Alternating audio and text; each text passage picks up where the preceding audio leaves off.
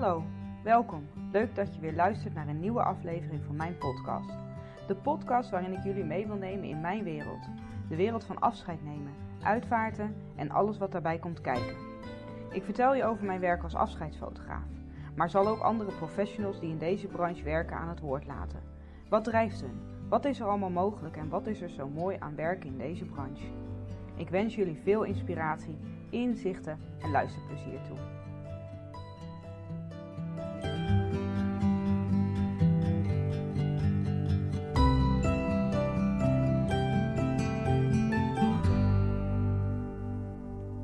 Welkom bij weer een nieuwe aflevering van mijn podcast Recht uit het Hart. En uh, vandaag spreek ik met Ine van Monumentalista. Prachtige naam, uh, van ook een prachtig bedrijf en een mooi mens. Uh, moest wel even oefenen op de naam, maar hij komt er nu vloeiend uit. Um, het is een mooi gesprek geworden over nou, de dingen die ze maakt, over het proces wat ze doet met haar klanten, haar nabestaanden. Ik heb even nagedacht, hoe ga ik haar nou introduceren in deze, uh, deze intro? Maar ik merk dat ik het dus lastig vind, omdat de producten die zij maakt, die, die moet je zien en, um, om een goed beeld bij te vormen. Hoewel ze prachtig in haar podcast omschrijft uh, wat ze precies maakt. Nou ja, kort gezegd, ze maakt grafmonumenten uh, op maat. Dus ze gaat een heel proces in met nabestaanden om te ontwerpen datgene wat past bij de overledene.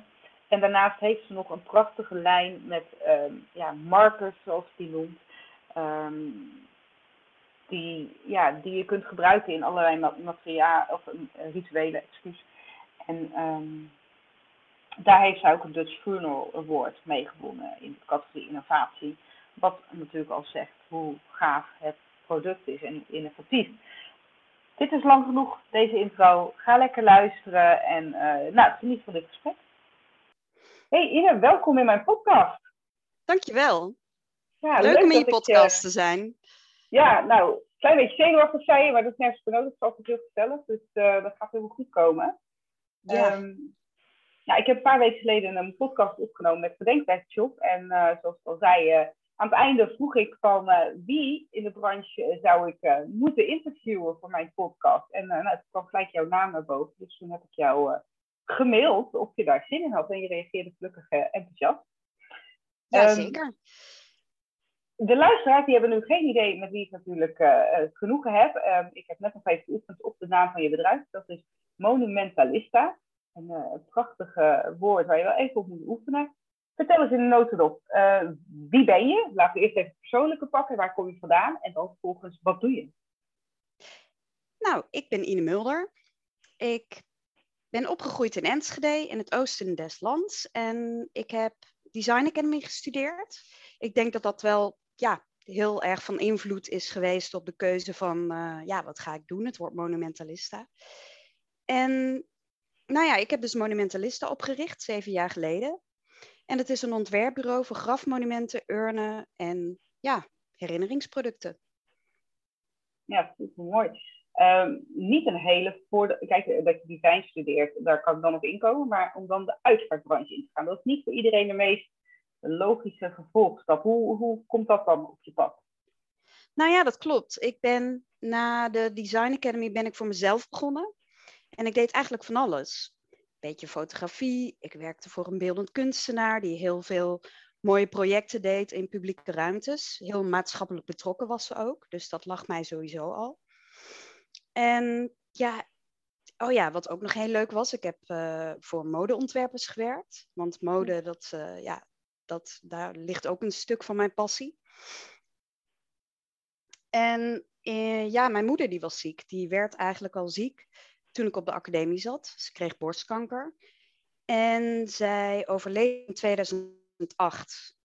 Toen was ik net, van, toen was ik net afgestudeerd. Ik had net mijn diploma. Nou ja, goed. Uh, ze overleed dus. De uitvaart uh, was er. En ja, dat was wel heftig. Uh, het overlijden van mijn moeder. Dat, ja, ik mis haar nog dagelijks. Ja. Nou ja, goed, we wilden heel graag, omdat zij een bijzondere vrouw was, wilden wij ook een bijzonder grafmonument. Dus we zijn gaan zoeken, mijn vader, mijn broer en ik. En we zijn bij verschillende bedrijven geweest, maar ja, eigenlijk niemand kon haar verhaal visualiseren in één monument. Mhm. Nou ja, goed, dat, eh, dat duurde vier jaar, onze zoektocht. En toen dacht ik, ja, weet je, ik ben ontwerper. Ik ga het gewoon zelf doen. Nou ja, goed, toen ben ik begonnen met, eh, ja, eigenlijk... Zij hield heel erg van vergeet me nietjes. En het grappige was aan haar, zij was een beetje een guerrilla gardener avant la lettre. Mhm. En zij hield heel erg van zaaien. Ze was heel speels. En nou ja, ieder voorjaar, de hele tuin van mijn ouders, dat was één grote blauwe bloemenzee. Mhm. En ze kwamen overal op. In het bouwland, eh, in, in, in de borders, tussen de tegels van het terras. En juist dat, dat, dat zeg maar die speelsheid en die, die bloei en die wil om te leven, dat die opkomt tussen de tegels van het terras, dat wilde ik gaan visualiseren. Mhm. Nou, dat heb ik gedaan. en het is een grafmonument geworden, want ja, het is natuurlijk leuk om daar een beeld bij te hebben. Eh, ik heb het van beton gemaakt, eh, het grafmonument, want beton dat is een vloeibaar steen. Het is eerst vloeibaar, je giet het in een mal en dan Ja. heeft het de vorm van de mal. Dus ik heb een zerk gemaakt. Een zerk is een liggende steen op een graf. En die heb ik iets hoger gemaakt, dus hij is vrij 3D. En ik heb er een tekening, een bloempatroon van vergepennietjes heb ik daarin gemaakt. En dat, dat patroon, dat zijn gaten als het ware in die zerk. En daar groeien dus planten in. Oh, wauw. Ja. En nou ja, het is heel erg leuk, want het graf ziet er ook iedere, ja, iedere keer dat je er komt, ziet het er anders uit. Weet je, als we er dan rond Pasen allemaal mooie kleurige primula's in zetten, want daar hield ze heel erg van, ja, dan is het weer helemaal, eh, helemaal mooi en helemaal, eh, dan komen er narcissen op en ja, dan ziet het er, dan ziet het er heel paasachtig uit.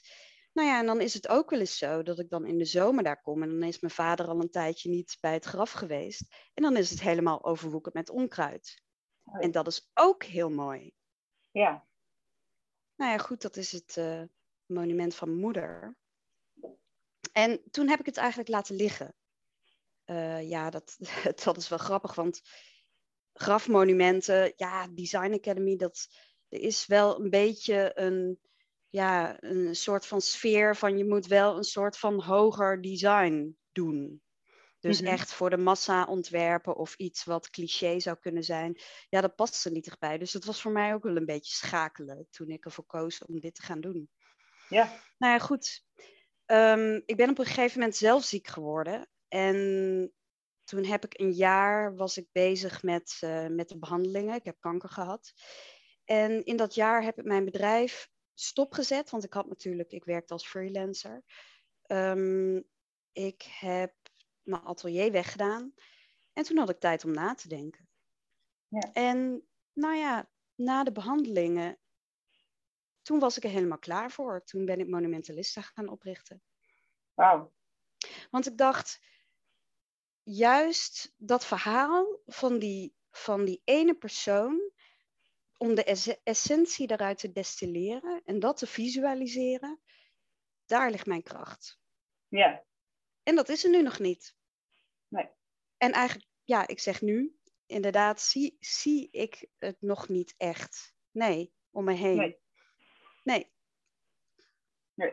Dus je, weet je, toen ik net vroeg wat, wat, wat doe je, eh, hè, dan gaf je aan hè, het ontwerpen van. Betekent dat je enkel en alleen ehm, ontwerpen maakt per, voor een persoon? Of, of ehm, doe je nog meer, zeg maar? Want ik heb wel wat dingen natuurlijk op je website gezien, vandaar dat Ja, dat, eh, ja. Zeker. Nee, het is eigenlijk zo, mijn bedrijf staat op twee poten. Dat, het waren eerst meer poten, maar ik heb er enkele geëlimineerd, omdat het gewoon ja, niet te doen is om, om alles te doen wat je leuk vindt. Dus ik focus mij nu op twee dingen. Eh, nou ja, het ene, dat heb ik eigenlijk net uitgelegd, dat zijn de individuele monumenten. Dan komen nabestaanden bij mij, families, en die vertellen het verhaal van hun geliefde. En dan krijg ik helemaal, eh, ja, hoe noem je dat? Helemaal vrij, krijg de vrije hand. Bij je hand En dan- ontwerpen. Ja, precies. En dan ontwerp ik eh, voor hen een monumenten. Dat hoeft niet per se beton te zijn. Het kan er met Nee, want dat vroeg het me af, omdat je net zo beton zei. Maar beton is niet per se het materiaal waar je alleen maar mee werkt. Nee, zeker niet. Want als ontwerper leer je juist om. eh, Kijk, je hebt, je hebt van heel veel materialen een klein beetje kennis. En wat je vervolgens doet, is als, als je dan een bepaald ontwerp hebt, dat je bijvoorbeeld een metaal wil laten uitvoeren, dan zoek je een expert op dat gebied. En ik heb nu een aantal hele mooie, hele goede leveranciers, die zijn ontzettend goed in hun vak, om me heen verzameld. eh, houtbewerkers, metaalbewerkers, ehm, beton, brons, steen, ja, van alles. Wauw, ja. Ja, dus dat, dat is hoe je als productontwerper werkt. Want je kunt onmogelijk alles zelf Nee. uitvoeren. Maar ik hou wel heel erg van dingen maken. Ja, En dat, dat doe ik ook met de prototypes die ik maak. En ook, ja, daar ben ik heel veel, dat is heel erg hands-on, dat ik dan de kleine producten ontwikkel. Dat is mijn, twe- mijn tweede poot. Ja. De herinneringsproducten. ja. Kun je daar wat vertellen? Want ik heb het beeld natuurlijk gezien online. Wat, eh, wat de herinneringsproducten die je hebt. Kun je eens vertellen waar dat uit is ontstaan en wat het precies is? Even, want het is natuurlijk audio waar we naar luisteren. Dat is heel lastig met een product natuurlijk. Maar eh, Ja. ja, kun je eens proberen te omschrijven wat, wat je maakt aan herinneringsproducten en hoe dat ook is ontstaan, waarom we dat echt gaan doen? Ehm, ja, ja, zeker. Ik kan, ik kan, daar, ik kan het eh, denk ik wel beeldend vertellen. En natuurlijk ook, het is ook een interessant verhaal hoe het is ontstaan. Maar ik zal nu mijn, mijn ja, ik heb een van mijn producten, dat, dat eh, is de memory marker, memory markers. En de naam zegt het eigenlijk al. Eh, het gaat om, om herinneringen. En wat doe je met die herinneringen? En het gaat over loslaten. Hoe is het ontstaan? Mijn memory markers, dat zijn kleine gedenkstenen in de vorm van kleine symbolen. Ik heb hart, anker, nee wacht, geloof, hoop, liefde, kruis, anker, hart. En ik heb vlinder, maan en ster. En dat zijn kleine vormpjes, heel eenvoudig, gemaakt van beton. Die giet ik ook zelf. En de mallen heb ik ook zelf gemaakt. En je hebt ze in grijs, je hebt ze in wit. En op bestelling kunnen ze ook in roze gemaakt worden, want je kunt pigmenten toevoegen aan beton. En ik heb ze in drie formaten. En de kleinste, ja, hoe groot zijn die ongeveer? Ik denk 4 centimeter, 4 bij 4. Je kunt er een paar in je hand houden. En hoe is het ontstaan? Ik was, ik heb ooit een grafmonument gemaakt voor een moeder die was overleden. En die vader had drie dochters. En zijn vraag was: kun je een monument ontwerpen met drie harten? Dus toen heb ik drie grote harten gemaakt, grote bolle harten voor die, voor die meiden. En die heb ik hol gemaakt, daar konden ze tekeningen onder stoppen. En toen dacht ik van ja, ik wil nog iets extra's. En toen dacht ik, hoe mooi zou het zijn om de liefde in de vorm van kleine hartvormige steentjes te kunnen strooien over het graf. Ja. Nou ja, goed, dat en ja, eigenlijk ook nog andere ideeën die ik had. Bijvoorbeeld over het Joodse gebruik. Uh, ik had een idee van, ja, kan ik dat Joodse gebruik van het leggen van kiezels op een, op een grafmonument als je er bent geweest? Dat ken je wel, denk ik, hè? Ja, ja. Kan ik, kan ik daar een product van maken? En nou ja, dat is het ook geworden. Want je kunt met memory markers kun je verschillende dingen doen. Je kunt het op een graf leggen. Uh, je kunt het aan, uh, hè, stel je voor, uh, je zoontje die mist opa enorm. En dan kun je zeggen, kijk, dit, dit hartje, dat, dat is een gedenksteentje voor opa. Stop maar in je broekzak en neem het maar mee naar school. Weet je, dan kun je je voorstellen, zo'n jongetje... Nou ja, dat, ik, ik vertel het nu als voorbeeld, maar het is ook echt gebeurd. En dat was toevallig ook een hartje waarin ik as heb verwerkt. En dat jongetje, oh ja. dat, dat droeg het bij zich als hij naar school ging. En ja, memory markers, wat ook een heel mooi gebaar is, is dat je, dat je loslaat. En dat je memory markers achterlaat op een plek waar je een speciale herinnering aan hebt. En juist dat gebaar van loslaten, dat brengt rust in je hoofd. Ja. En um, ja, weet je, loslaten, dat is niet hetzelfde als vergeten. Nee. En op die manier kun je, kun je het een plekje geven, het verdriet. Ja, prachtig. Want met dat product heb jij ook twee jaar geleden de Dutch Funeral Award gewonnen, volgens mij, hè? Ja, dat klopt. Ja. De, de, bij de categorie innovatie, als ik het uh, goed herinner. Ja, zeker. ja, de categorie innovatie, klopt. Ja. ja. ja. Wat kreeg je, want ik weet dat ze dan natuurlijk, ja, er is een reden waarom je dat wint. Kan je dat nog uh, herinneren? Hoe, ja, waarom heb jij dat gewonnen? Wat, wat vonden ze zo innovatief aan jou, uh, jouw idee? Um, het is, de memory markers zijn heel breed inzetbaar. Het is iets wat uh, er zit, er is geen gebruiksaanwijzing. En het grappige is, dat merk ik ook in de praktijk, dat, dat mensen er hun eigen ritueel mee verzinnen. Ja. Sorry, ik heb een uh, Kriebel. Ja. Even een slokje water, inderdaad.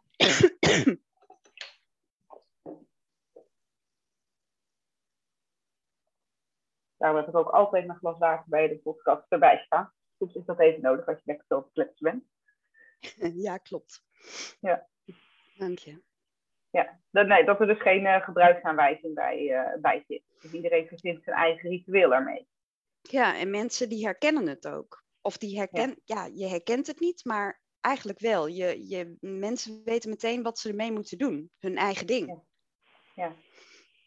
Ik, ik, ik, ik, weet niet, dat, ik, ik moet daar nu gewoon even aan denken. Hier in de regio is het in ieder geval heel erg um, Zo'n zo keitof, weet je wel? Uh, keitof uh, stenen die dan uh, gaan zwerven, die ergens neergelegd worden. Daar moet ik al een beetje aan denken, dat je dat het zomaar ja. tegen zou kunnen komen. Als iemand ja. op een bepaalde plek waar ze herinneringen hebben, dat als die wil gaan neerleggen, dat je dat ineens in het beeld zeg maar tegen zou kunnen komen.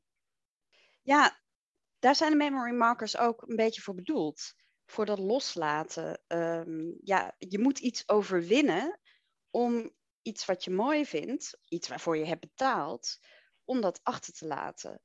Alleen dat gebaar, dat, dat geeft je gewoon een hele hoop vrijheid. En ook het idee, want ik heb zelf ook al eens memory markers uh, natuurlijk losgelaten. Ook het idee dat iemand dan loopt in de natuur en dan ineens een anker tegenkomt en zich dan afvraagt, waar zou dat anker voor zijn? Ja. Ja, precies. En wat je zegt, het zijn net zo van uh, mensen verzinnen hun eigen rituelen. Wat zijn de rituelen die, jij, die jou wel eens te oren zijn gekomen dat mensen hebben gedaan met jouw ankers? Met, uh, nou, met, ja, sorry, ik zeg ankers omdat ze met ankers zijn, maar met je ja. markers. Nou, bij de, bij de overledene in de kist, daar wordt wel eens in de handen van de overledene een hartje gelegd, ge, ge, Oh. gestopt. En de familie die krijgt dan, die, ieder krijgt dan een hartje. Oh ja. Dus dat is, uh, dat is inderdaad een heel mooi ritueel. Want dan, ja, dat hartje dat gaat mee in de kist op reis. En die ander, daar, mag, ja, daar mogen de nabestaanden hun reis mee, uh, mee gaan doen. Geholpen. Ja. Ja. Oh, mooi. Ja, en een ander ritueel. Ik heb ook houten memory markers. Die zijn van lindenhout en die zijn uh, uitgelezerd. En wat het mooie daaraan is, die vergaan na verloop van tijd. Oh. Dat ziet er ook echt prachtig uit. Als die liggen op de aarde en je bekijkt ze een paar weken later, dan zie je dat, ja, dat de natuur ze als het ware ja, opneemt. En Ja. die, die memory markers die worden ook met as vaak uitgestrooid. Oh ja. Ja, zodat je, ja, oh, dat is ook heel mooi. Ja, en op bestelling kunnen mensen ook as door het beton laten verwerken in een memory marker. Dat gebeurt ook vrij Oh. vaak. Oh, dat is ook wel heel mooi. Ik merk, ik merk dat mensen daar soms ook een soort zoeken in zijn, wat ze dan met as inderdaad willen. En aan de ene kant ook wel willen uitstrooien, maar dan er ook wel iets mee willen. Dat is natuurlijk ook een Ja. heel mooi idee om aan de ene kant dan de verstrooiing te doen en dan een gedeelte bijvoorbeeld in zo'n memory. En dan valt het ook niet zo op. Dat, ik, ik- Nee. dat zie ik nog wel eens, dat mensen hè, met zo'n traditionele urn, heb je echt een urn in de kamer staan of zo, weet je wel. En Dat, ik merk dat voor veel mensen ook niet meer hoeft. Dat zo op zich, ja, op zich het klinkt heel Nee. negatief, hè, maar denk dat je wel snapt wat ik bedoel. Het mag, het mag iets van jezelf zijn. Dat een ander niet per se hoeft te zien dat er as in verwerkt zit. Dat je dat gewoon niet is. Dat klopt, dat klopt. Ik heb ook, nou ja, misschien mag ik daar straks over vertellen. Ik heb urnen die, massief, die ook massief zijn. En die hebben de vorm, ja, ik vertel er maar meteen over. Ja, doe maar hoor. Nee, je gaat. Die urnen, ja, die, eh, die urnen, dat zijn, dat zijn zaaddozen. En die heb, ik, uh, ja, die heb ik geboetseerd eigenlijk zoals ik ze mooi vond. Dus ze zijn niet heel natuurgetrouw, maar ik heb ze gewoon ja, echt vorm gegeven. En die zijn massief en je mengt as door het betonmengsel. Dat doe ik. Mensen kunnen daarbij zijn. En dat wordt in een mal gegoten. En dan heb je dus een, ja, eigenlijk een buitenurn. Die je dan gewoon in de tuin kunt leggen. En het mooie is, als je die een tijdje laat liggen, dan, komt er, dan wordt, het, wordt hij een beetje groen. Hij ligt in weer en wind. Hij mag ook best verweren. Til je hem op, dan leven er beestjes onder. Oh. Hou ik oh. zelf heel erg van. Ja, dat je dan gewoon, dat, dat het leven zich daar weer onder nestelt. Ja, ja, daar zit een heel mooie metafoor natuurlijk in. Ja. Ja, ja. Dus dat over, ja, het hoeft geen urn, het hoeft geen pot met een deksel meer te zijn. Nee, dat, nee, dat hoeft zeker niet meer. Nee, en daar is ook steeds meer behoefte aan, uh, denk ik. Dat het, uh, dat gewoon, uh, ja. Dat traditionele mag af en toe ook, weet je, dat is ook goed. Bij, dat zeg ik eigenlijk altijd bij alles hoor. In elke podcast komt dat eigenlijk wel naar voren. Weet je, alles is goed. Als je het op een traditionele manier wil doen en een traditionele herdenkingsmoment wil, dat is prima.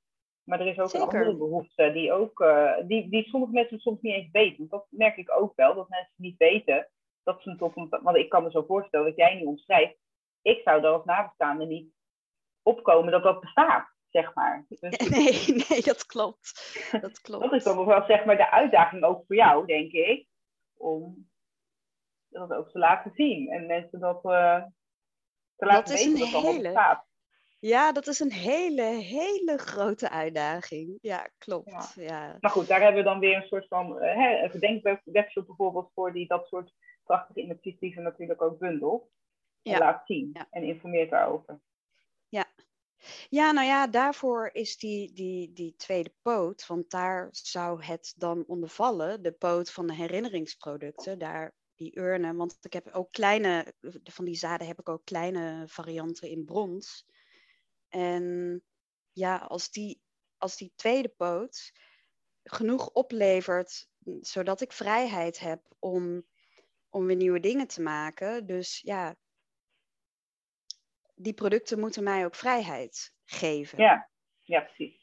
Ja. Zodat je op het maatwerk ook kan toeleggen, zeg maar. Ja, zeker. Want dat, daar gaat heel erg veel energie en tijd in zitten. Ja, dat kan ik me zo voorstellen. Ik, ik, gewoon iets wat ik, mij, ik me dan afvraag hoor, als je er echt over die eerste pakken maatwerk. Hoeveel tijd gaat daarin zitten in, in zo'n proces? Ik kan me voorstellen dat dat, uh, ja, weet je, je zit eerst met, met familie hè, dan, en daarna ga je ontwerpen en zo. Dus dat, dat is best wel een proces. Ja, daar gaan zeker wel zes tot acht maanden overheen voordat het monument er staat. Ja. ja. En dat, dat heeft ook te maken met het feit dat dingen moeten rijpen. Hè? Ja. Want bij mij moeten ideeën rijpen. Ik zeg ook als, als families bij mij zijn geweest en dan hebben ze me een heleboel informatie gegeven. Dan zeg ik, joh, uh, het kan wel drie weken duren voordat jullie, voordat jullie het schetsontwerp krijgen. Want je kunt, ja, ik kan het wel steeds beter als je, als, ja, als, je als professional werkt, dan kun je wel een beetje sturen wanneer het kwartje valt. Maar ook verfijning van het idee, dat heeft tijd nodig. Ja, en op zich denk ik zelf, uh, als ik dat zo beluister, ook helemaal niet zo verkeerd. Want dat is denk ik ook een heel mooi proces waar je met de familie dan ook instapt. En die familie zit ook in een proces. Ja, dat van, klopt. Van het rouwproces waar ze in zitten. En daarin, daarin golf jij dan in feite een soort van mee. Klopt, ik, ik, ik loop echt een tijdje met ze mee. En dat is heel erg bijzonder. Dat maakt het heel bijzonder en ook heel intens. En je hebt ook heel veel contact met de familie, omdat je ja, over allemaal details heen en weer mailt. En um, ja, gewoon ook leuke updates geven. Want dat doe ik ook heel erg regelmatig. Dat ik dan laat zien, kijk, zover zijn we. Kijk, ik ben nu bij een metaalbedrijf. Moet je kijken hoe oh, het eruit ziet. Um, dus dat, uh, ja, je, je, het is een, uh, je loopt samen op. Ja. Ik loop een stukje met ze mee en dat maakt het heel speciaal. En ik heb dan, krijg dan ook meestal de feedback als een monument staat, dat families zeggen: zo, ik voel me zoveel meer ontspannen nu. Ja. En ja, dat is gewoon uh, een heel groot cadeau als je dat krijgt aan het einde van. Uh, ja, dat snap ik.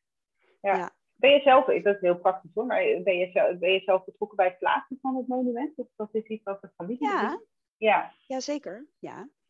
Oh ja, super mooi. Ik ben er altijd bij. Ja. ja. Lijkt me een heel bijzonder moment om dan dat wat je, wat je maandenlang bezig bent in je hoofd en daarna met de handen om het vorm te geven, dat het op zijn, zijn plekje valt. Dat is heel bijzonder, want het begint met een idee dat je krijgt naar aanleiding van het verhaal van iemand. Bijvoorbeeld uh, een heel mooi monument waar ik heel trots op ben en wat niet op mijn website staat. maar goed, dat is omdat ik er geen tijd voor heb gehad. Maar iedereen kent dat wel. Maar dat die vrouw die, die hield heel erg van dansen en die leefde ook. Die, die ging, die fladderde op een dansende manier door haar leven. En op haar uh, zij was communicatiedeskundige voor de gemeente Amsterdam. En zij was altijd betrokken ook bij uh, de Gay Pride. En bij die Kennel Parade, daar had je de eerste boot, die was van de gemeente Amsterdam. En omdat zij vroeger danseres was geweest, heeft zij dus de choreografie gedaan voor de gemeente. Want ja, al die wethouders, die konden natuurlijk helemaal niks van. En zij deed dat dan voor op de eerste boot. En op haar rouwkaart stond ook een foto van dat ze met een roze witte boa helemaal in het roze staat te dansen. Mhm. En dat danselement, dat heb ik toen gepakt. En nou ja, goed, daar, waar hadden we het over? Daar, hoe dat dan gaat, zo'n proces. En dat danselement, nou, dan gaan we kijken van wat kan ik ermee doen en hoe kan ik dat visualiseren. En ja, ik heb als het ware een dance move gemaakt op haar graf met uh, ja, als een soort van lijn gemaakt in metaal. Nou ja, daar heb ik eerst modelletjes van gemaakt, van papier. En uh, dan maak ik daar foto's van, van de maquetten. Want ik maak altijd maquettes. Ik werk niet in 3D-programma's. Mm-hmm. Omdat dat, ja, als je dat dan fotografeert, dat krijgt een hele, ja, de, dat krijgt gewoon een hele goede sfeer. Ja. Waar, waar de mensen gewoon heel blij mee zijn en ik ook. En de ene keer dan is de achtergrond druk en de andere keer juist niet. En nou ja, goed, dan heb je dus die maquette en dan begin het uitvoeren en communiceren met het bedrijf. En als je dan uiteindelijk het geplaatst hebt, ja, dat is fantastisch. Ja. Nou, nu ben ik echt super benieuwd hoe dat eruit ziet. Dus moet je dan maar wel op je website zetten. Het staat wel op Instagram. Oh, oké. Nou, dan gaan we daar eens even naar kijken. Het is een, hij is knaloranje knaloranje monument. Oké. Ja. En scroll dan ook even verder naar beneden, want daar staat ook het proces. Een kartonmodel oh. en in aluminium bij het bedrijf. is leuk om te zien. Ja. Nou, ik zet, ik zet al je credentials uh, zet ik onder, uh, onder de podcast en, en hij blog en alles, zodat de mensen even doorklikken. Want ik denk, ja, ik, ik spreek natuurlijk meerdere ondernemers, maar dit is echt wel eentje die echt wel lastig te vatten is, uh, inderdaad, in, in woorden, denk ik. Maar wat je wel fantastisch doet hoor. Maar ik denk dat het wel uitlokt om even door te klikken straks. Ja, ja een van de vragen was waar je het meeste trots op was, maar die heb je dus nu al voor mij uh, beantwoord. Um, ja, jeetje, ik ben op heel veel dingen trots. Ja, ja, dat, ja maar dat kan me zo voorstellen als dat zeg maar, ja tuurlijk, als het maatwerk is, kan ik me voorstellen dat, je, dat, dat, dat elk iets ook heel bijzonders is. Maar vertel. Nog iets anders? Ja, of, of, ja dat mag. Als je, als je zegt, nou, er schiet er nog eentje te binnen die, die ik toch heel graag deel. Ja, waar ik ook heel trots op ben, dat is een familiegraf. En ik, de, de, dus ja, een familiegraf en de eerste persoon die erin kwam, dat was, uh, dat was de moeder. En zij had een bipolaire stoornis. En zij had ook dat vlinderachtige. Ze was een ontzettend elegante vrouw. Heel mooi. Ik heb veel foto's van haar gezien, van toen ze jong was, maar ook toen ze ouder was. Zo'n mooie vrouw. En heel slank en ja, altijd super mooi gekleed.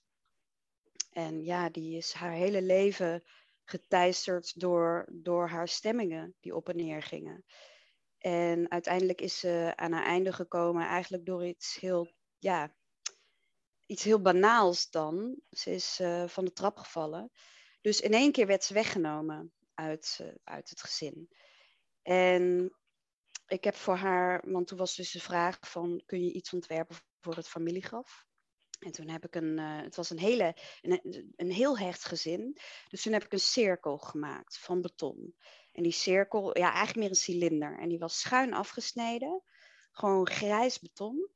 En toen dacht ik van ja, oké, nou degene die erin komen, hopelijk de volgende, dat duurt nog heel erg lang. Maar voor iedereen die erin komt, maak ik een beeld. En toen heb ik een beeld voor haar gemaakt, een brons. En dat was een zandloper. Het mooie is ook, ik was in de werkplaats bezig van die bronsschieter. En toen kwam er een kunstenaar, een, eh, een hele oude, oude man, die eh, heel veel ervaring had en nog heel veel vuur in zijn ogen. En die komt binnen en die zegt, hey, wat een mooi portret. Terwijl ik een zandloper aan het maken was. Maar zo was het hmm. ook bedoeld, als portret van die vrouw. En de zandloper, ja, de zandloper die verwijst naar haar elegantie. En de zandloper verwijst ook naar het omkeren van de zandloper. En de stemming en de zwaarte. En dat het zand dan hmm. naar beneden zakt. Dat geeft een gevoel, dat, dat geeft op een bepaalde manier weer ja, hoe het is om een bipolaire uh, stoornis te hebben. Hmm. En toen nog uh, het laatste. Ik had, ik had dus die vlindertjes van die memory markers. En die vonden ze heel erg mooi, de, de, de familie. En toen zeiden ze van, goh, kunnen we daar niet ook nog wat mee? Toen zei ik van, ja, nou ja, we kunnen die, die, die cilinder, die cirkel, die kunnen we volstorten met vlinders. Mm En ja, wat een fantastisch idee. En toen moest ik heel erg lachen. Toen zei ik van, ja, maar er zijn wel een paar duizend vlinders voor nodig. Ja, nee, fantastisch, gaan we doen, leuk. Dus toen heb ik 4000 mm. witte vlinders oh, gegoten. En die liggen dus allemaal in dat graf. En tussen die vlinders staat dat beeld. En toen kreeg ik, toen het af was, kreeg ik een foto uh, van de kleinkinderen. Die stonden toen uh, in, in dat graf en hadden ze nog een foto bij die zandloper gezet. En dan met de hond. Ik vond het zo'n mooi beeld. Die stonden oh, dus wow. in de cirkel. Ja, dat is echt, daar ben ik ook heel trots op. ja, dat geloof ik. Oh, wauw. Oh, ja, je hebt ja. echt een prachtig beroep wat dat betreft. Het is zo'n mooi beroep. Ik wil echt niks anders. nou, goed zo. nou, dan gaan we een mooi bruggetje maken naar mijn volgende vraag. Um, wat, is je, wat is je toekomstdroom, je, je, je grote missie? Wat, wat, nou ja, wat, dat hoeft niet per se alleen je bedrijf zijn, maar wat hoop je te bereiken in de branche? Wat hoop je, nou, je mag hem zo breed interpreteren als je wilt. Waar, waar droom je van?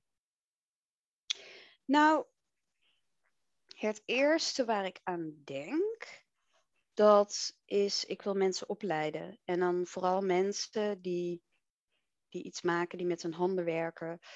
Ik heb vorig jaar een ik heb verschillende stagiaires gehad. En dat vind ik ongelooflijk leuk. Ik hou ook, ik, eh, ik heb ook een tijdje les gegeven op de Willem de Koning Academie in Rotterdam. Hm. En ja, dat zit in mijn bloed. Ik kom uit een docentengezin. Maar ook het begeleiden van stagiaires. Ik vind dat heel erg mooi om te zien hoe ze groeien. En ik vind het fijn om daaraan bij te dragen. En juist, ik heb een stagiair gehad van het MBO. En het MBO over het algemeen staat dat niet zo hoog aangeschreven. Of mensen mhm. die denken daar over het algemeen ja, toch een beetje zo neerbuigend over. Maar we hebben die mensen nodig. We hebben mensen nodig die met de handen kunnen werken en die invulling kunnen geven. En die, die ja, we hebben ze gewoon heel hard nodig. En ik vind het heel erg mooi om ook dat gevoel van eigenwaarde, om dat te versterken. En ja, en wat ik dan ook heerlijk vond, want ik, uh, ik heb ook vaak freelancers voor me werken. Als ik dan gewoon een lunchtafel heb en die is vol met mensen en ik mm. wil een familiebedrijf worden. Ja. Oh, en dan bedoel ik niet zozeer een familiebedrijf van het doorgeven van, van, van moeder op dochter, maar meer van, ja, ik, ik wil mensen bij elkaar. Ik wil samen iets moois maken. En, en ja, ik wil dat we een familie zijn, de monumentalistenfamilie. Wauw, nou, wauw. ja, ja, ja. Oh, dat, uh, ja, dat klinkt echt fantastisch. Um, Even nog, uh, we gaan langzaam richting afronding, want ik denk dat het super mooie dingen zijn geweest. Maar ik ben dus even benieuwd hoe jij de branche ziet, waar jij tegenaan loopt, ook in de branche. Uh, naar mijn ervaring en wat ik ook wel vaak terugkrijg in de branche, dat het soms ook best wel dingen traditioneel zijn. Hè? En dat het uh, soms een oude manier van denken is. Hoe, beleef jij het in de branche? Hoe wordt jouw product bijvoorbeeld door, door uitzondondernemers heel snel omarmd? Of merk je dat je daar ook nog wel dat er nog een stigma op ligt? Of ehm, hoe ervaar jij de branche uh, nou ja, met betrekking tot jouw producten? Even denken. Nou ja, ik ken een paar heel vooruitstrevende mensen in de uitvaartwereld. En ja, dat zijn de mensen met wie ik level. Dus daarbij, daar merk ik niet dat er taboes heersen. Oh, mooi. ja, dat is fantastisch. Dat hoor ik graag, want dat is mijn missie, om die taboe door te, te doorbreken. Dus uh, dat gaat ja. lekker. Ja. Ja, zeker. En ik, ik merk ook, wat ik ook wel heel erg grappig vind, ik ben geabonneerd op een, op een magazine, Maybest. En dat is van, ja, dat is heel grappig. Ik weet ook niet hoe ik er ooit lid van ben geworden. Ehm, en dat zijn de restauratieprojecten die daarin staan. Mhm. En toen las ik over een heel mooi project, waarbij er een klooster, ik geloof in Eindhoven, daar zit Dela, uh, gerestaureerd is door Dela. Of die was er in ieder geval bij betrokken.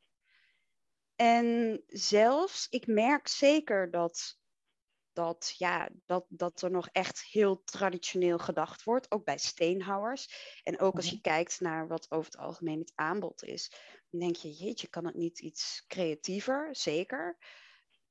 Maar ik heb het idee dat de meeste mensen wel echt vooruit willen, de meeste bedrijven. Ook bijvoorbeeld Dela, die heeft ook een denktank. Op een gegeven moment werd ik benaderd via LinkedIn. En het was een oud studiegenoot, die zat dus in een, denk, in een permanente denktank van de Dela. En die dacht daarna over ja, de toekomst van de uitvaartbranche. Oh, wauw. Geweldig. Ja. Dus ik heb het idee dat er heel erg veel gebeurt. Ja. En ja, processen, kijk, de meeste mensen veranderen niet heel snel en zijn niet heel flexibel. En dat is ook praktisch vaak niet haalbaar voor bedrijven. En ja, ik zie het inderdaad wel bij, zoals ik net al zei, bij collega steenhouwers. Dat het denken van jeetje mina. En ook bijvoorbeeld dat heel veel grafstenen, die komen gewoon, ze bestellen gewoon de steen uit India of uit China. En die worden daar gemaakt onder heel schimmige omstandigheden. Waarom zou je een steen uit India of China bestellen? Maar het gros van de grafstenen komt nog steeds daar vandaan. Ja, oké. Dus daar is nog wel heel erg veel te veranderen en te verbeteren. Ja. ja. Ik spring een beetje van de hak op de tak, maar. Uh... Nee, nee, ik, mooi. ik heb daar nog nooit bij stilgestaan. Want ik, wat, ik heb zelf nog nooit een grafmonument uitgezocht of moet uitzoeken. Of, uh, nou, dus dat, daar geen we nul van. Maar dat je dat zo zegt, van het komt uh, van ver weg inderdaad onder, onder omstandigheden die... Daar heb ik eigenlijk nog nooit bij stilgestaan. Dus ik ben eigenlijk wel heel blij dat je dat zo, dat zo benoemt. Want ik ben zelf groot, groot voorstander van handwerk en van, van persoonlijke dingen. Maar goed, het is natuurlijk niet altijd voor iedereen even haalbaar natuurlijk. Hè? Of van toepassing, dat kan natuurlijk ook. Maar... Uh, maar ja. ja. het is dubbel dus. Eh, je ziet, en ik herken dat denk ik ook heel goed hoor. Van, er is echt ook wel eh, heel veel gaande in de branche. ook. En, en dat, daar wordt ook op ingespeeld. Ik, bedoel, ik heb deze podcast en ik spreek heel veel vooruitstrevende en innovatieve ondernemers. Dus, dus ik, ik weet dat ze er zijn. En, en dat, dat blijft natuurlijk ook niet onopgemerkt. Ik bedoel, je hebt de Dutch Funeral Award gewonnen. Ik bedoel, dat, dat hele award die zou niet bestaan als er geen behoefte zou zijn aan innovatie. Klopt. Alleen het grappige is dus wel, en dan gaat het niet over de uitvaartbranche, maar dan gaat het over, over alle mensen die, die op een gegeven moment te maken krijgen met een overlijden. Die weten het nog, nog eigenlijk. Die weten nog niet, heel, heel veel niet. Nee. Dus daar nee, nog nog te gebeuren. ja. ja, zeker. Ja. En ik, ik, ik denk dat dat ook voor heel veel mensen gewoon ook lastig blijft hoor, om, om het onderwerp dood te bespreken. En dat dat ook niet voor iedereen is weggelegd om dat, uh, dat ook te doen. In de zin van dat ze dat niet aankunnen of niet willen of niet onder ogen willen zien dat het leven eindig is, weet je.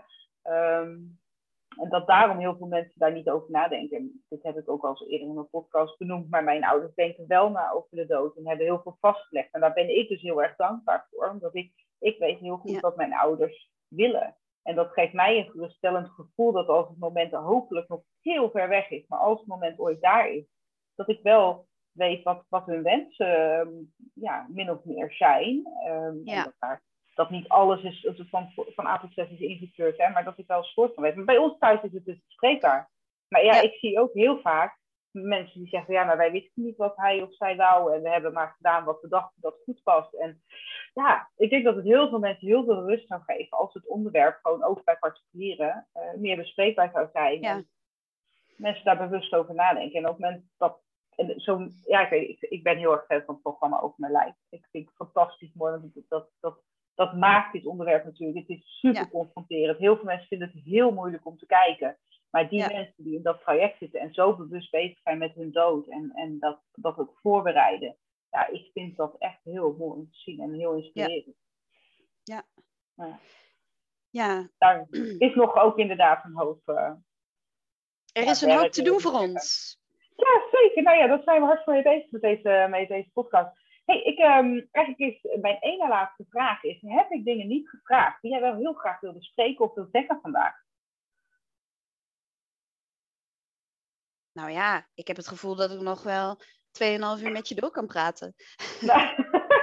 ja, dan laten we dat de luisteraars niet aandoen. Nee, nee, nee, nee, zeker niet. Als je 2,5 uur podcast moet gaan luisteren, dan klikt iedereen ons weg op tevoren. Ook al is het een fantastisch boeiend gesprek.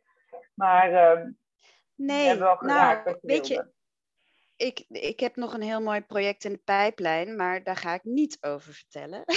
Oh, teaser. nou, wie weet kun je me als het, uh, als het, als het oude in je open is, uh, nog eens contact met me opnemen. Wie weet is dat leuk voor, voor een tweede gesprek.